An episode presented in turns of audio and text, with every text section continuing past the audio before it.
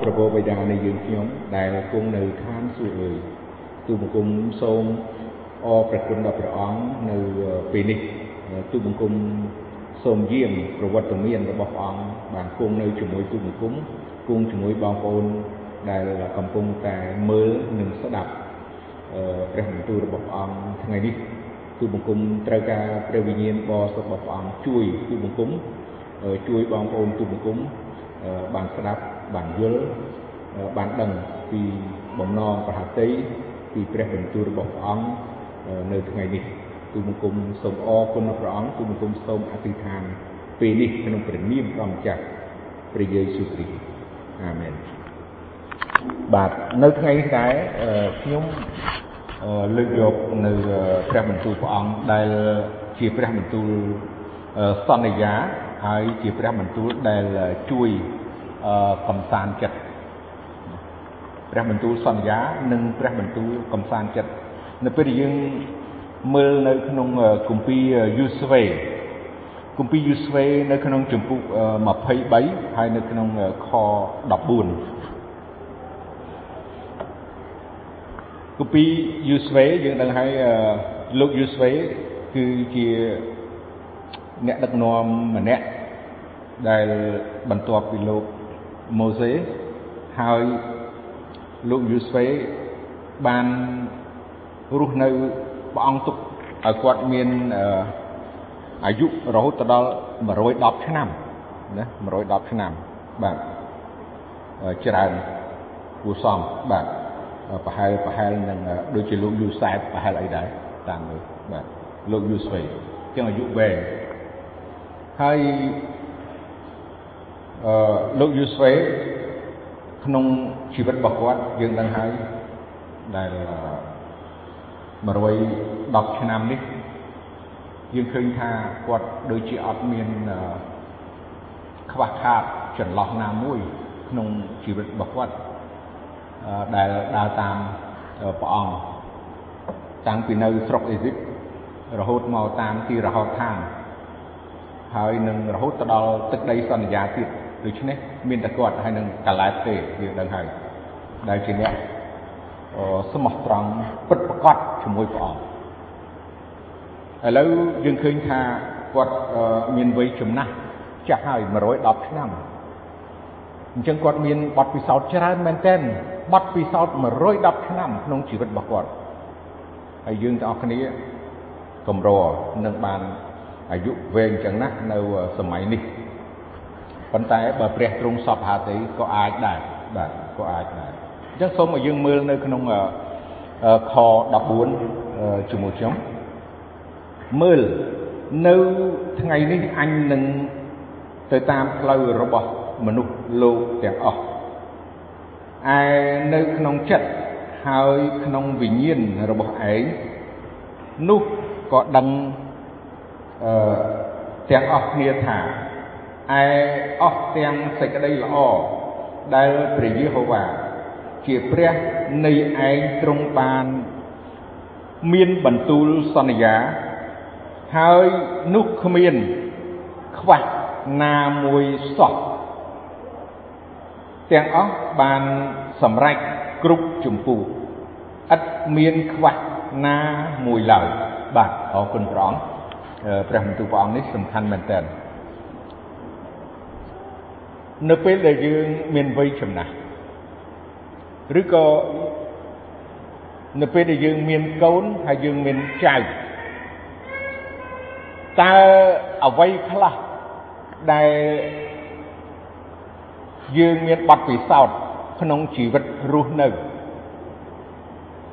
លោកយូស្វេមានបទពិសោធន៍រស់នៅ110ឆ្នាំហើយនៅពេលដែលគាត់ វ័យចំណាស់ហើយតើអ្វីខ្លះទៀតដែលគាត់ត្រូវបង្រៀនឬក៏ត្រូវផ្ដាំផ្ញើដល់មនុស្សចំនួនក្រោយតទៅទៀតខ្ញុំដឹងថាបងប្អូនទាំងអស់គ្នាមានកូនឬក៏ជាថ្នាក់ដឹកនាំតែងតែនិយាយពាក្យខ្លះចំណុចខ្លះ ដែលវាសម្រាប់តែនៅផែនដីឬក៏នៅលោកីយ៍នេះតែប៉ុណ្ណោះដូចជាអូបង្រៀនកូនថាអូកូនអើយណាខំរៀនទៅឬក៏ថាអូកូនអើយខំធ្វើការទៅឬក៏មិនសូវបាននិយាយអំពីលំអិតតកតងទៅនឹងអឺរឿងព្រះអង្គព្រោះ លោកយូស្វេចង់បញ្ជាក់ហើយបញ្ជាក់ទៀតរឿងកិច្ចការទាំងអស់នោះគឺជា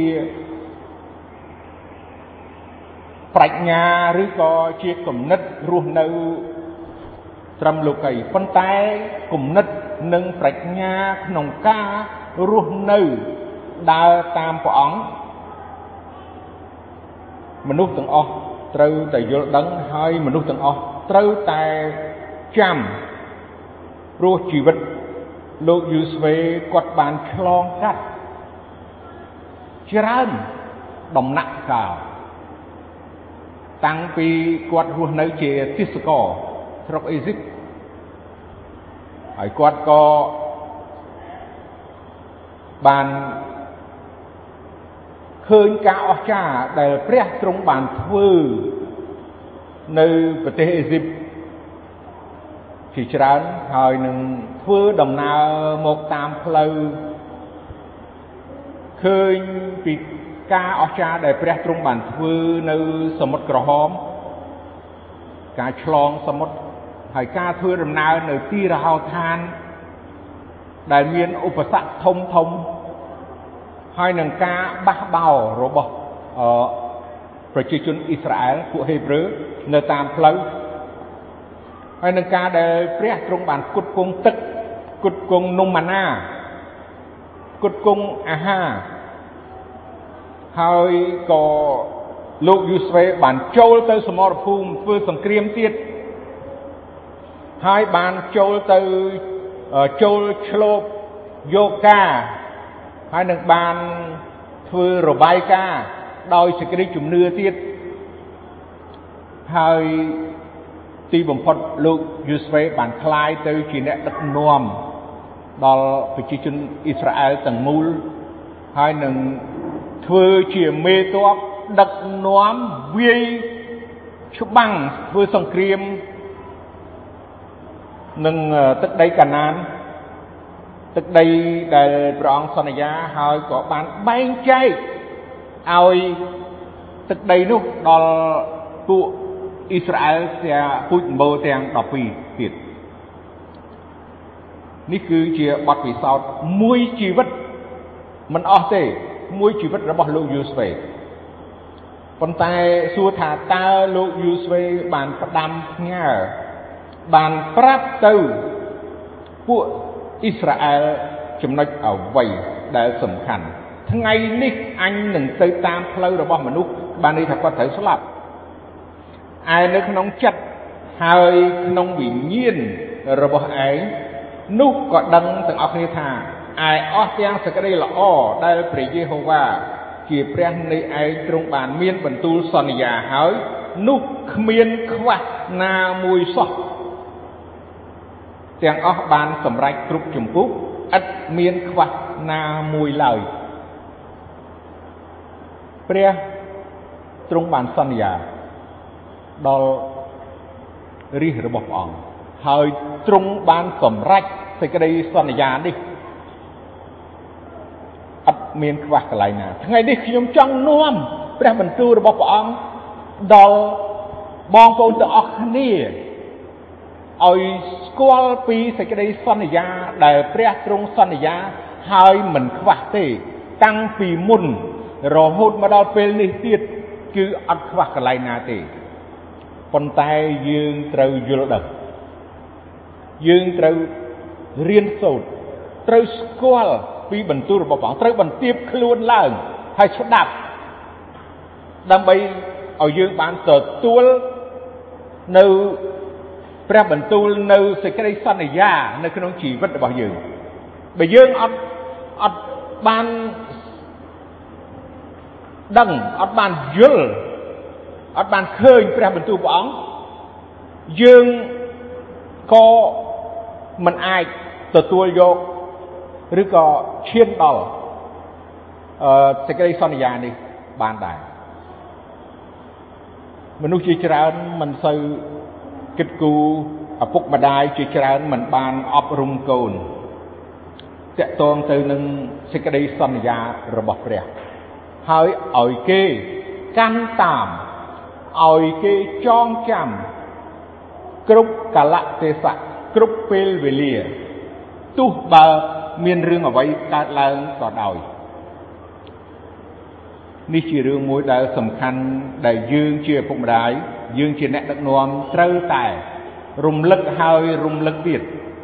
ប្រាប់ហើយប្រាប់ទៀតម្ដងហើយម្ដងទៀតតកតងពីសេចក្តីសន្យាគឺជាបន្ទូលរបស់ព្រះ ដែលគេត្រូវតែជឿទុកចិត្តថាសេចក្តីសន្យារបស់ព្រះអង្គព្រះអង្គនឹងធ្វើសម្រេចដោយមិនខ្វះកន្លែងណាមួយឡើយឥឡូវយើងមើលព្រះបន្ទូលព្រះអង្គមួយនៅក្នុងគម្ពីរម៉ាកុសគម្ពីរម៉ាកុសនៅក្នុងជំពូក10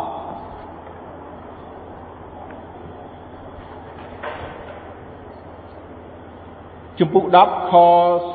39ដល់31ពីរខហ្នឹងបានបាទតើព្រះបន្ទូលព្រះអង្គបានមានបន្ទូលដូចម្ដេច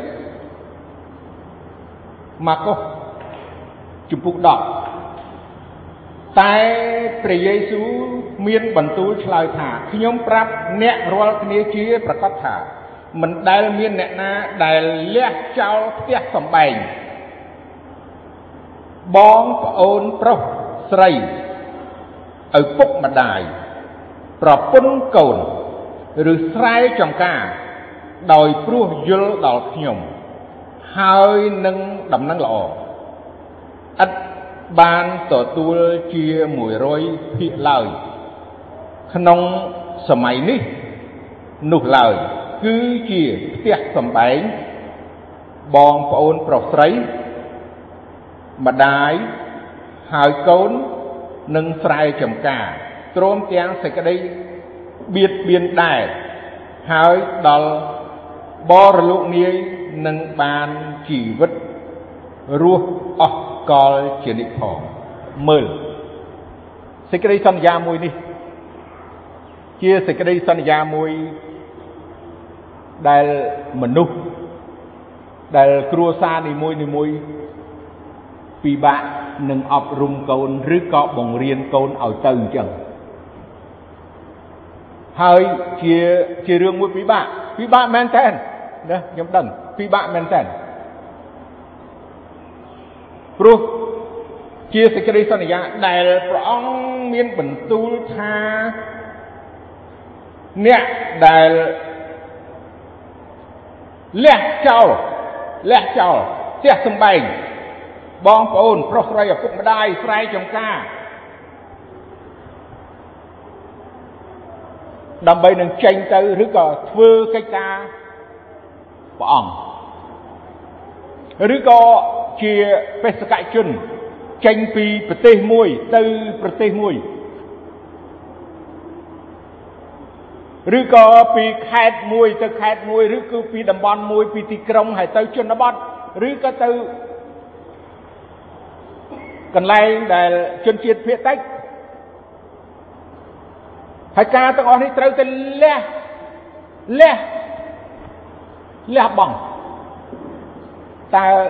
យើងទាំងអស់គ្នាដែលបង្រៀនកូនតាក់តងទៅនឹងការលះបង់ដែរឬទេប្រហែលជាបងប្អូនសួរខ្ញុំថាអ្នកបង្រៀននឹងលះបង់ដែរអត់ខ្ញុំឆ្លើយជូន បងប្អូនមួយចំនួនធំបានដឹងហើយអរគុណព្រះមិនមែនខ្ញុំទេប៉ុន្តែព្រះដែលគង់នៅក្នុងខ្ញុំហើយឲ្យខ្ញុំអាចនឹងលះបង់ការទាំងអស់នេះមិនលះបង់ប្រពន្ធខ្ញុំទេប៉ុន្តែប្រពន្ធខ្ញុំមកជាមួយប៉ុន្តែខ្ញុំបានលះបង់ផ្ទះសំបែងខ្ញុំបានលះបង់ ការរស់នៅប្រទេសអាមេរិកជិត20ឆ្នាំមានសម្ភារៈគ្រប់បែបយ៉ាងមានការងារធ្វើគ្រប់បែបយ៉ាងប៉ុន្តែខ្ញុំខ្ញុំបានទទួលនៅព្រះបន្ទូលព្រះអង្គនេះដោយការត្រាស់ហៅដោយការដែលព្រះវិញ្ញាណបរិសុទ្ធបានបណ្ដាល ក្នុងការលះបង់ហើយហេតុអ្វីដែលខ្ញុំត្រូវលះបង់ព្រោះព្រះបន្ទូលរបស់ព្រះអង្គបានប៉ះពាល់នៅក្នុងចិត្តរបស់ខ្ញុំដូចជាថ្ងៃនេះតើបងប្អូនប្រមាណអ្នកដែលបានស្ដាប់ឮថាបងប្អូនត្រូវតែលះបង់នៅពេលដែលព្រះអង្គនៅពេលដែលព្រះបន្ទូលព្រះអង្គបានប៉ះពាល់នៅក្នុងចិត្តយើងហើយហើយយើងទៅយើងធ្វើយើងចេញយើងលះបង់លះបង់ ឪពុកម្ដាយលះបង់បងប្អូនលះបង់ប្រពន្ធកូនលះបង់ស្រែចម្ការតកតនឹងរឿងប្រពន្ធកូននេះខ្ញុំអត់មានឱកាសជម្រាបច្រើនទេប៉ុន្តែបរោះជាក្បាលបរោះជាមេជាក្បាល ក្បាលទាញទៅណា កតុយត្រូវទៅនឹងលមកនៅតែតាមក្រោយទេដូច្នេះក្បាលឲ្យមុំក្បាលឲ្យខ្លាំងតែក្បាលខ្លាំងទៅណាក៏បានដែរពាក្យនឹងមួយម៉ាត់យកយកទៅគិតពិចារណាចុះលះបងស្រែចំការខ្ញុំដឹងថាពិបាកលះបង់ប៉ុន្តែ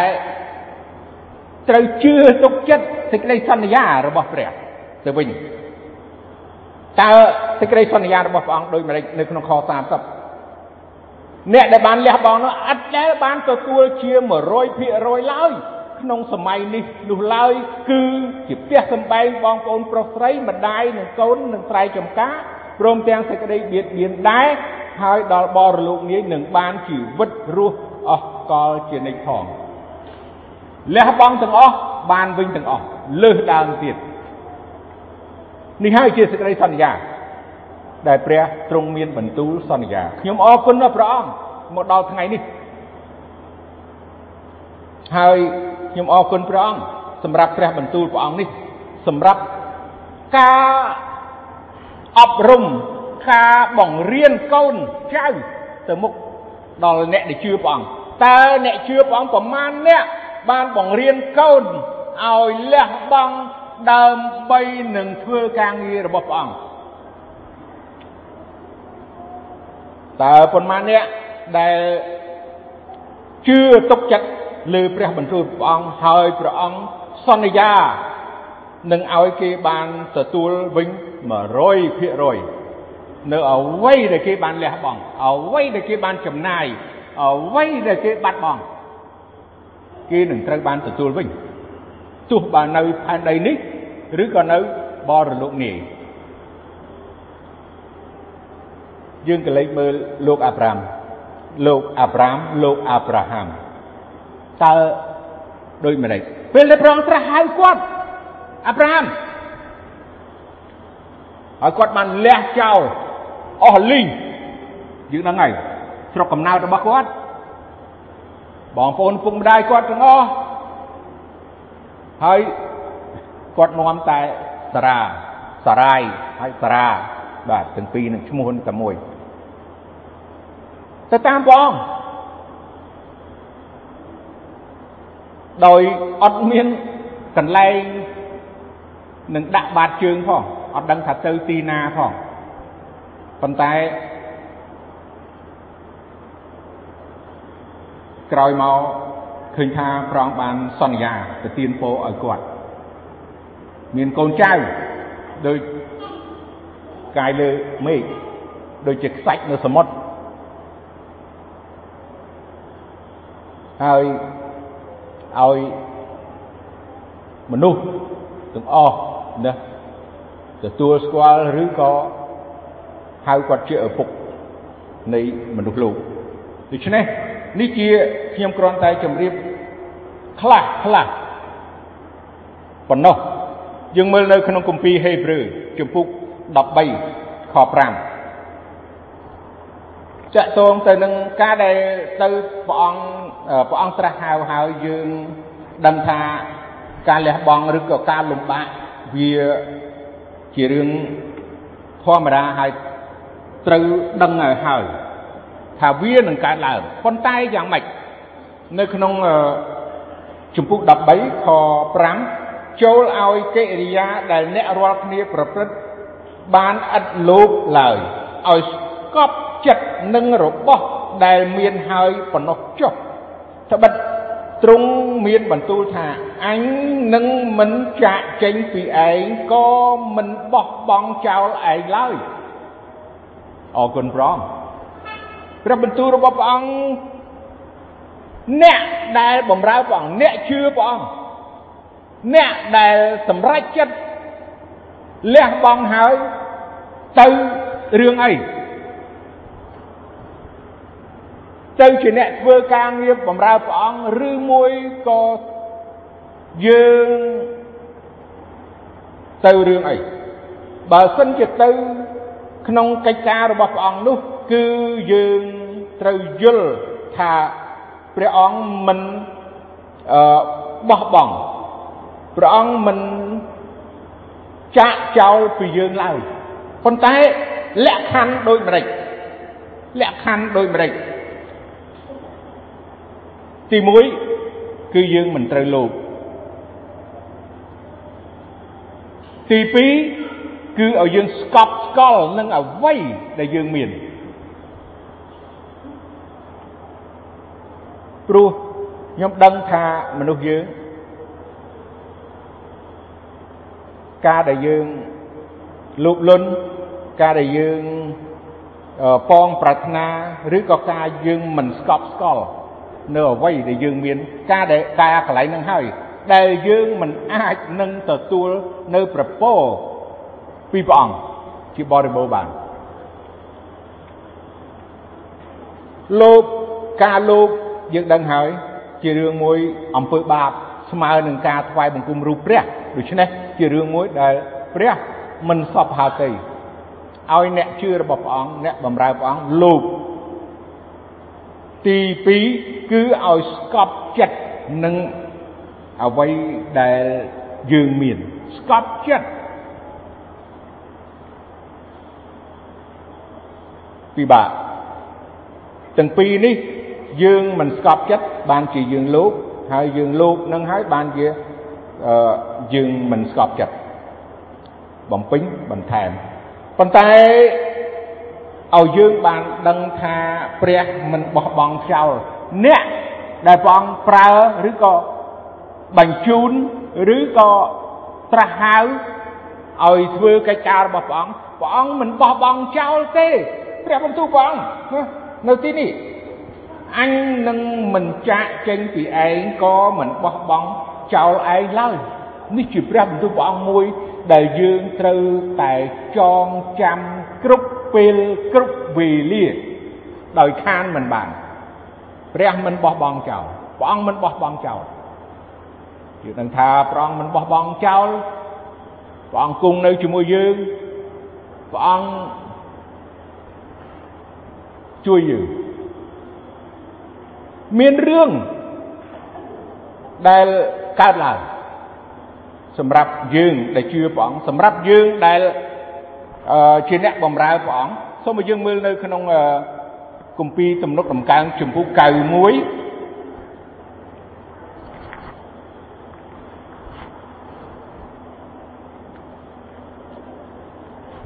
ក្នុងខ15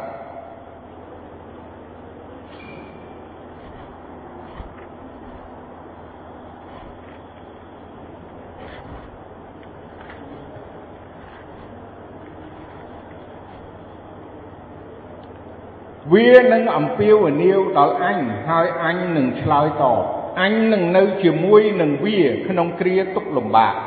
ក៏នឹងដោះឲ្យរួចចេញហើយនឹងលើកមុខឲ្យរាល់ពេលរាល់វេលាដែលយើងធ្វើការបម្រើព្រះ ឬក៏យើង កំពុងតែជឿព្រះអង្គដើរជាមួយព្រះអង្គយើងមានទុកលំបាកមិនមែនអត់ទេមិនមែនបញ្ជាក់ថាការដែលព្រះអង្គត្រាស់ហៅយើងហើយហើយយើងធ្វើការបម្រើព្រះអង្គយើងជាអ្នកដឹកនាំយើងជាគ្រូកងវិលឬក៏ជាចាស់ទុំតែមានជំនឿល្អហើយយើងមានបញ្ហាកើតឡើងគឺរឿងនេះគឺកើតឡើងយើងមើលទៅលោកយូស្វេឡើងវិញ យើងមើលទៅសាសអ៊ីស្រាអែលដែលធ្វើដំណើរចេញពីប្រទេសអេស៊ីបរហូតទៅដល់ទឹកដីកាណានឡើងវិញតើពួកគេសុខស្រួលរហូតឬតើលោកយូស្វេសុខស្រួលរហូតឬអត់ទេប៉ុន្តែឲ្យយើងបានដឹងថានេះគឺជារឿងធម្មតាជារឿងដែលកើតឡើងប៉ុន្តែយើងត្រូវតែអធិដ្ឋានអំពាវនាវទៅព្រះអង្គ អធិដ្ឋានទៅព្រះអង្គពីសេចក្តីទុក្ខលំបាករបស់យើងហើយយើងដឹងថាព្រះទ្រង់សពព្រះハរតីឆ្លើយតបដល់យើងតាមរយៈសេចក្តីអធិដ្ឋាន ដែលយើងខានមិនបានកុំឲ្យយើងគិតថាអូព្រះអង្គជ្រាបហើយព្រះអង្គដឹងហើយអញ្ចឹងយើងមិនបាច់អធិដ្ឋាននេះគឺជាការយល់ខុសព្រោះព្រះទ្រង់សពហតីឆ្លើយតប កូនរបស់ព្រះអង្គអ្នកបម្រើព្រះអង្គតាមរយៈសេចក្តីអធិដ្ឋាននឹងឯងហើយឲ្យយើងបានដឹងថាព្រះអង្គនឹងជួយក្នុងគ្រាទុកលំបាកនឹងដោះឲ្យរួចហើយមិនត្រាំមិនត្រឹមតែប៉ុណ្ណោះទ្រង់នឹងលើកមុខឡើង បងប្អូនចង់ដឹងថាការទុកលំបាកច្រើនបញ្ហាច្រើនហើយប្រពោរបស់ព្រះអង្គក៏ច្រើនការទុកលំបាកច្រើនការស្មោះត្រង់នឹងព្រះអង្គការទូលអង្វររបស់ព្រះអង្គច្រើនហើយព្រះអង្គក៏លើកមុខបានន័យថាជួយអ្នកនឹងឲ្យ ប្រសើរកាន់តែខ្លាំងយើងក៏លេខមើលពីរអ្នកបានហើយទី1យើងមើលលើម៉ូសេមិនមែនស្រួលទេទៅប្រទេសអេស៊ីបជួបជាមួយស្ដេចហើយជាមួយសំទោសជួបជាមួយនឹងពួកអ៊ីស្រាអែលពួកហេប្រឺសួរថាគេទទួលស្វាគមន៍ដោយរីករាយដំបូងមិនទេប៉ុន្តែ ព្រះបានលើកបើបើគិតពីរឿងលោកម៉ូសេគ្មានអ្នកណាគោរពគាត់ទេហើយអ្វីព្រោះគាត់ជាអ្នកដែលរត់ចេញពីប្រទេសអេស៊ីបហើយបានសម្លាប់ទាហានអេស៊ីបហើយទៅនៅទីឆ្ងាយហើយត្រឡប់មកវិញអញ្ចឹងគេអត់គោរពគាត់ទេគេអត់ respect គាត់ថាជា leader ទេព្រោះជាអ្នកដែល បរាជ័យឬក៏អ្នករត់ចោលពួកគេកន្លងមកប៉ុន្តែព្រះដោយគាត់បានឆ្លងកាត់ការលំបាកហើយស្ដាប់បង្គាប់ព្រះអង្គត្រឡប់មកប្រទេសអេស៊ីបវិញហើយបាននិយាយប្រាប់ជាមួយនឹងលោកអរ៉ុនអឺពីការដែលព្រះអង្គមករំដោះពួកគេហើយពេលនោះព្រះអង្គបានលើកលើកលោកម៉ូសេ ឲ្យពួកអ៊ីស្រាអែលទទួលស្គាល់ថាគឺជាអ្នកដែលព្រះប្រើនឹងដឹកនាំគេឲ្យទៅទឹកដីសន្យារួចពីទេសកលមើលទៀតលើកប៉ុណ្ណឹងមិនទាន់ខ្ពស់ទេលើកទៀតនៅពេលដែលទៅជួបស្ដេចផារ៉ោនស្ដេចផារ៉ោនអត់ទទួលស្គាល់ បណ្ដេញចេញគ្រប់បែបយ៉ាងតើលោកម៉ូសេគិតម៉េចពិបាកទេទៅម្ដងអត់ទៅពីរដងអត់តើប្រមាណអ្នកដែលហ៊ានទៅជួបស្ដេច10ដងហើយស្ដេចបដិសេធទាំង10នោះតើ ការទាំងអស់នោះលំបាកទេលំបាកគាត់ចង់អស់ទឹកចិត្តចង់អស់កម្លាំងប៉ុន្តែទីបំផុតព្រះលើកមុខគាត់ឡើងលើកកិត្តិយសគាត់ឡើង លើកឈ្មោះគាត់ឡើងឲ្យកាន់តែខ្ពស់ទៅវិញ កាលណាទុកលំបាកខ្លាំងកាលណាឆ្លងកាត់ការលំបាកច្រើនព្រះក៏តែងតែលើកគេខ្ពស់ឡើងខ្ពស់ឡើងដែរបងប្អូននេះគឺជាការពិតនេះគឺជាជីវិតដែលយើងជឿព្រះអង្គខ្ញុំដឹងថាការដែលយើងមានបញ្ហាច្រើនហើយយើងអំពាវនាវហើយយើងអធិដ្ឋានយើងទូលទៅព្រះអង្គហើយយើងទ្រាំទ្រការទាំងអស់នោះព្រះអង្គលើកយើងឡើងលើកមែន ខ្ញុំមានបទពិសោធន៍ខ្លីទេមិនច្រើនដោយលោកយូស្វេប៉ុន្តែបទពិសោធន៍នេះក៏រៀនតាម ពីអ្នកបម្រើព្រះអង្គមុនពីរៀនតាម ពីបុព្វបុរសពីព្រះបន្ទូលពីព្រះគម្ពីរយើងមើលស្ដេចដាវីតមួយទៀតដូចខ្ញុំថាអញ្ចឹងខ្ញុំលើកតែ2នាក់បានហើយក្នុងកាពី ស្ដេចដាវីតណាគាត់លះបង់ចោលណាចេញណាអ្វីអ្វីដែលគាត់មានហើយទៅតាមព្រះអង្គហើយគាត់ជឿគឺថាទុកចិត្តព្រះអង្គអឺគ្រប់ពេលគ្រប់វេលាហើយគាត់ឆ្លងកាត់ការលំបាកច្រើនមែនតែនប៉ុន្តែការលំបាកច្រើនខ្លាំងណាស់ ព្រះអង្គលើគាត់បន្តិចមុនដំបូងគ្រាន់តែឲ្យមានគ្នាប្រហែល200នាក់ទៅជាមួយគាត់យូរយូរទៅច្រើនឡើងយូរយូរទៅច្រើនឡើងរហូតទៅដល់សង្ខេបថាទៅជាស្ដេចគ្រប់គ្រងនៅពូជចម្បូរទាំង12នឹងតែម្ដងសួរថាហេតុអ្វីព្រោះគាត់បានទុកចិត្តដល់ព្រះអង្គ គាត់ជឿជាក់សេចក្តីសន្យារបស់ព្រះអង្គអញ្ចឹងយើងរៀនថ្ងៃនេះគឺរៀនទុកចិត្តព្រះបន្ទូលសេចក្តីសន្យារបស់ព្រះអង្គដែលយើងចេញទៅបម្រើព្រះអង្គឬក៏ធ្វើការព្រះអង្គតាមរយៈដែលព្រះអង្គត្រាស់ហៅឬក៏ដើរតាមព្រះអង្គមិនបានធ្វើជាអ្នកដឹកនាំអ្នកបម្រើព្រះអង្គធំដុំណាប៉ុន្តែយើងចង់បានប្រពោពីព្រះអង្គគឺត្រូវតែ ត្រូវតែហ៊ានលះបង់ហើយជឿជាក់លើព្រះបន្ទូលសន្យានេះយើងមើលពេលខ្លះព្រះបន្ទូលព្រះអង្គដែលយើងដឹងហើយឮហើយជឿជាក់ហើយប៉ុន្តែពេលខ្លះយើងធ្លាក់ទឹកចិត្តនិងបាក់ទឹកចិត្តដែររឿងនេះក៏យើងត្រូវដឹងជាមួយគ្នាដែរកុំថាយើងលើកតែរឿងល្អ យើងក៏ត្រូវរើលើកយករឿងដែលមិនល្អកើតឡើងនៅក្នុងគំនិតរបស់យើងដែរជាសេចក្តីកំសោយរបស់មនុស្សគ្រប់រូបតែងតែមានមិនថាខ្ញុំឬបងប្អូនអរគ្នាមិនថាអ្នកបម្រើព្រះអង្គពិសេសដោយលោកម៉ូសេឬក៏ស្ដេចដាវីតយល់ហ្នឹងហើយពេលដែលនិយាយស្ដាប់ លោកម៉ូសេនៅពេលដែលនិយាយទៅពួកសាសអ៊ីស្រាអែលគេមិនស្ដាប់លោកម៉ូសេថាសុំព្រះអង្គយកជីវិតទូបង្គំទៅបាច់ຕົកទៀតទេទ្រាំបានទេនេះគឺជារឿងកំសោយដែលកើតឡើងឥឡូវយើងមើលស្ដេចដាវីតមួយចោះបានហើយណាមើលស្ដេចដាវីតនៅក្នុងអឺ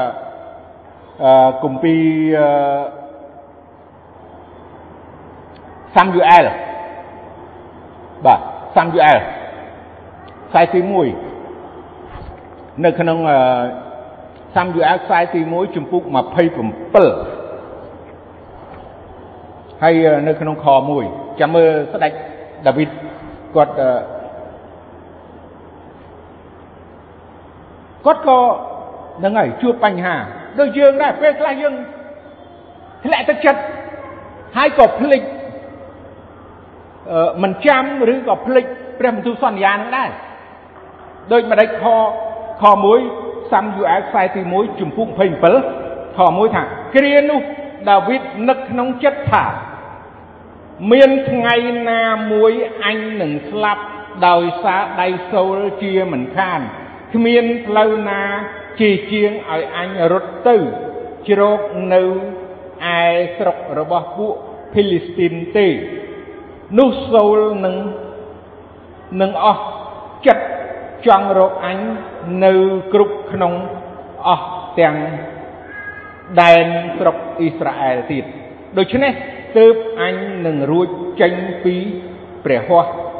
ទ្រង់បាន មើលតើចំណុចខ្សោយដូចម្ដេចហើយតើស្ដេចដាវីតគាត់ពេលនឹងយ៉ាងម៉េចគាត់ទាល់កំណត់ហើយគាត់គឺថាភ្លេចពី ព្រះបន្ទូលសន្យារបស់ព្រះអង្គហើយព្រោះជានេះជាសេចក្តីកំសោយរបស់មនុស្សយើងមិនថាអ្នកដឹកនាំឬក៏អ្នកជឿព្រះអង្គធម្មតាតែងតែមានរឿងនឹងកើតឡើងស្ដេចដាវីតគាត់អស់ទឹកចិត្តគាត់ថាថ្ងៃណាមួយសូលនឹងសម្លាប់គាត់ហើយគាត់ភ្លេចពីការដែលព្រះទ្រង់មើលថែរក្សាគាត់ឬក៏គ្រប់គ្រងពុកពិបាកពេក ខ្ញុំដឹងថាអ្នកជឿព្រះអង្គអ្នកបម្រើព្រះអង្គពេលខ្លះលំបាកមែនទែនខ្ញុំឆ្លងកាត់ខ្ញុំទទួលស្គាល់ខ្ញុំមានបទពិសោធន៍ខ្ញុំយំខ្ញុំទឹកភ្នែក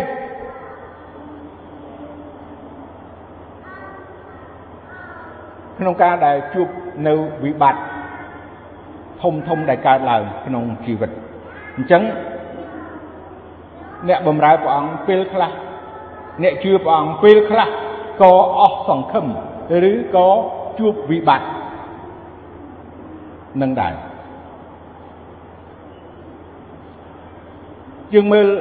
ព្រះបន្ទូលព្រះអង្គមួយទៀតនៅក្នុងគម្ពីរកូរិនថូសខ្សែទី2ពីជីវិតរបស់សាវកពូល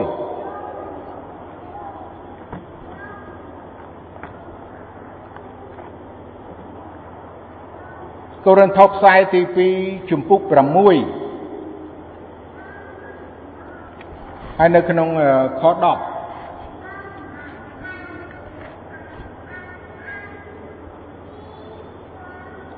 ដូចជាមានសេចក្តីព្រួយតែចេះតែបានសបាយវិញ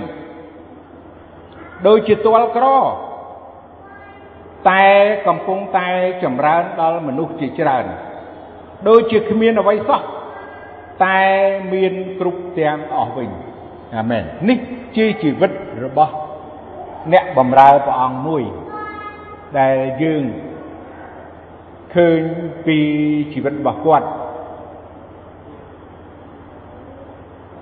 គាត់គាត់ព្រួយប៉ុន្តែ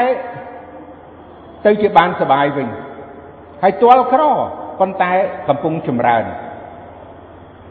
ហើយគ្មានអ្វីសោះតែមានគ្រប់គ្រាន់ នេះជាជាការពិតដែលកើតឡើងនៅពេលដែលយើងដើរជាមួយព្រះអង្គឥឡូវតើយើងធ្វើដូចម្ដេចបើរឿងហ្នឹងកើតឡើងយើងនឹងថាមានតែព្រះបន្ទូលរបស់ព្រះអង្គទេដែលជួយយើងរឿងទាំងអស់ហ្នឹងអញ្ចឹងសូមឲ្យយើងមើលនៅក្នុងទំនុកដំកើង ជំពូក119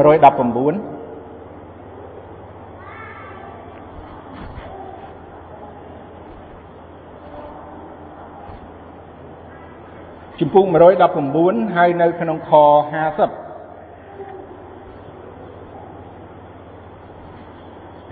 នេះហើយជាសេចក្តីកំសាន្តចិត្តដល់ទូលបង្គំ ក្នុងវេលាដែលទូលបង្គំកើតទុកព្រួយ គឺព្រះបន្ទូលទ្រង់ បានប្រោសឲ្យទូលបង្គំមានកម្លាំងឡើងពេលដែលយើងទុកព្រួយ ពេលដែលអ្នកបម្រើព្រះអង្គទុកព្រួយ ពេលដែលយើងជាអ្នកជឿព្រះអង្គកើតទុកព្រួយ យើងដឹងថាយើងត្រូវតែស្វែងរកព្រះបន្ទូលរបស់ព្រះអង្គ ត្រូវតែអានព្រះបន្ទូលរបស់ព្រះអង្គត្រូវតែមើលព្រះបន្ទូលព្រះអង្គត្រូវតែយកចិត្តទុកដាក់គឺមានតែព្រះបន្ទូលរបស់ព្រះអង្គទេដែលព្រះអង្គដែលព្រះបន្ទូលព្រះអង្គប្រោសយើងឲ្យមានកម្លាំងដើម្បីឲ្យយើងបន្តដំណើរទៅមុខទៀតរហូតទៅដល់បាន ទទួលនៅប្រពោពីព្រះអង្គនិងសម្រេចតាមសេចក្តីសន្យា ដែលព្រះអង្គបានសន្យាមួយទៀតមើលនៅក្នុងគម្ពីររ៉ូមជំពូក15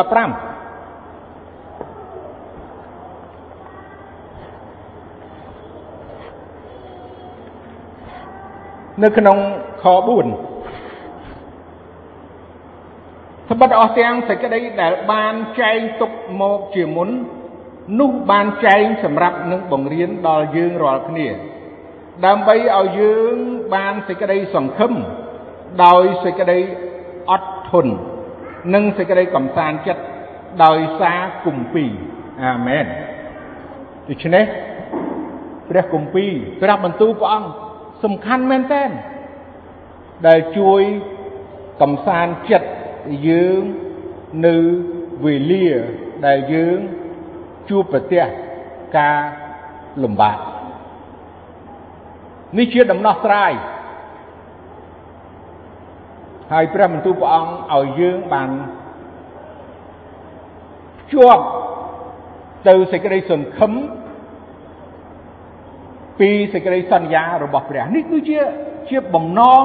បហតិដែលព្រះអង្គ ចង់ឲ្យអ្នកបម្រើព្រះអង្គចង់ឲ្យកូនរបស់ព្រះអង្គផ្សារភ្ជាប់យល់ដឹងពីព្រះបន្ទូលសន្យាហើយត្រូវឆ្លងកាត់ការលំបាកគ្រប់បែបយ៉ាងហើយដើម្បីស្គាល់នឹងបានទទួលជោគជ័យដល់សម្រេចសេចក្តីសន្យានោះ គឺមានព្រះបន្ទូលព្រះអង្គជួយកំសាន្តចិត្តយើងហើយឲ្យយើងបានរឹងមាំឡើងឲ្យយើងមានកម្លាំងឡើងឲ្យយើងមានអំណរឡើងហើយនឹងអាចធ្វើដំណើរទៅមុខទៀតបានអាមែននេះជាព្រះបន្ទូលព្រះអង្គដែលយើងទាំងអស់គ្នារស់នៅហើយកំពុងតែទទួលនៅវិបត្តិផ្សេងផ្សេង ឬក៏បញ្ហាផ្សេងផ្សេងអ្នកជឿព្រះអង្គនៅគ្រប់ទីកន្លែងសកលលោកហើយគ្មានអ្នកជឿព្រះមួយណា ដែលមិនមានបញ្ហាលំបាកនោះឡើយព្រោះជា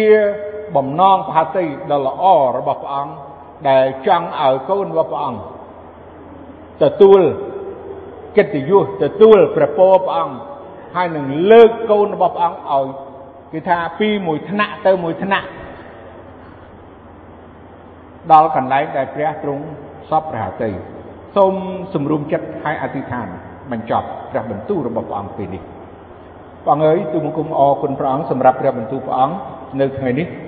សូមឲ្យព្រះបន្ទូលព្រះអង្គបានដកជាប់នៅក្នុងចិត្តបងប្អូនប្រទានពរបងប្អូនបានអឺចងចាំនៅព្រះបន្ទូលសន្យា នៅពេលណាដែលគេលះបង់នៅពេលដែលគេលះចិត្តនៅពេលដែលគេលះចោលអ្វីអ្វី ដែលជាកម្មសិទ្ធិរបស់ផ្ទាល់ខ្លួនគេហើយឲ្យគេបានទៅតាមព្រះអង្គហើយការលំបាកនោះកើតឡើងប៉ុន្តែមានព្រះអង្គគង់ជាមួយហើយចងចាំនៅព្រះបន្ទូលព្រះអង្គនឹងជួយកំសាន្តចិត្តព្យាបាលរាល់បញ្ហាដែលកើតឡើងទាំងអស់នោះទូមង្គមសូមអរគុណព្រះអង្គណាស់ព្រះបន្ទូលព្រះអង្គពេលនេះទូមង្គមសូមអធិដ្ឋានអរគុណទ្រង់ក្នុងព្រះនាមព្រះម្ចាស់ព្រះយេស៊ូវគ្រីស្ទអាមែន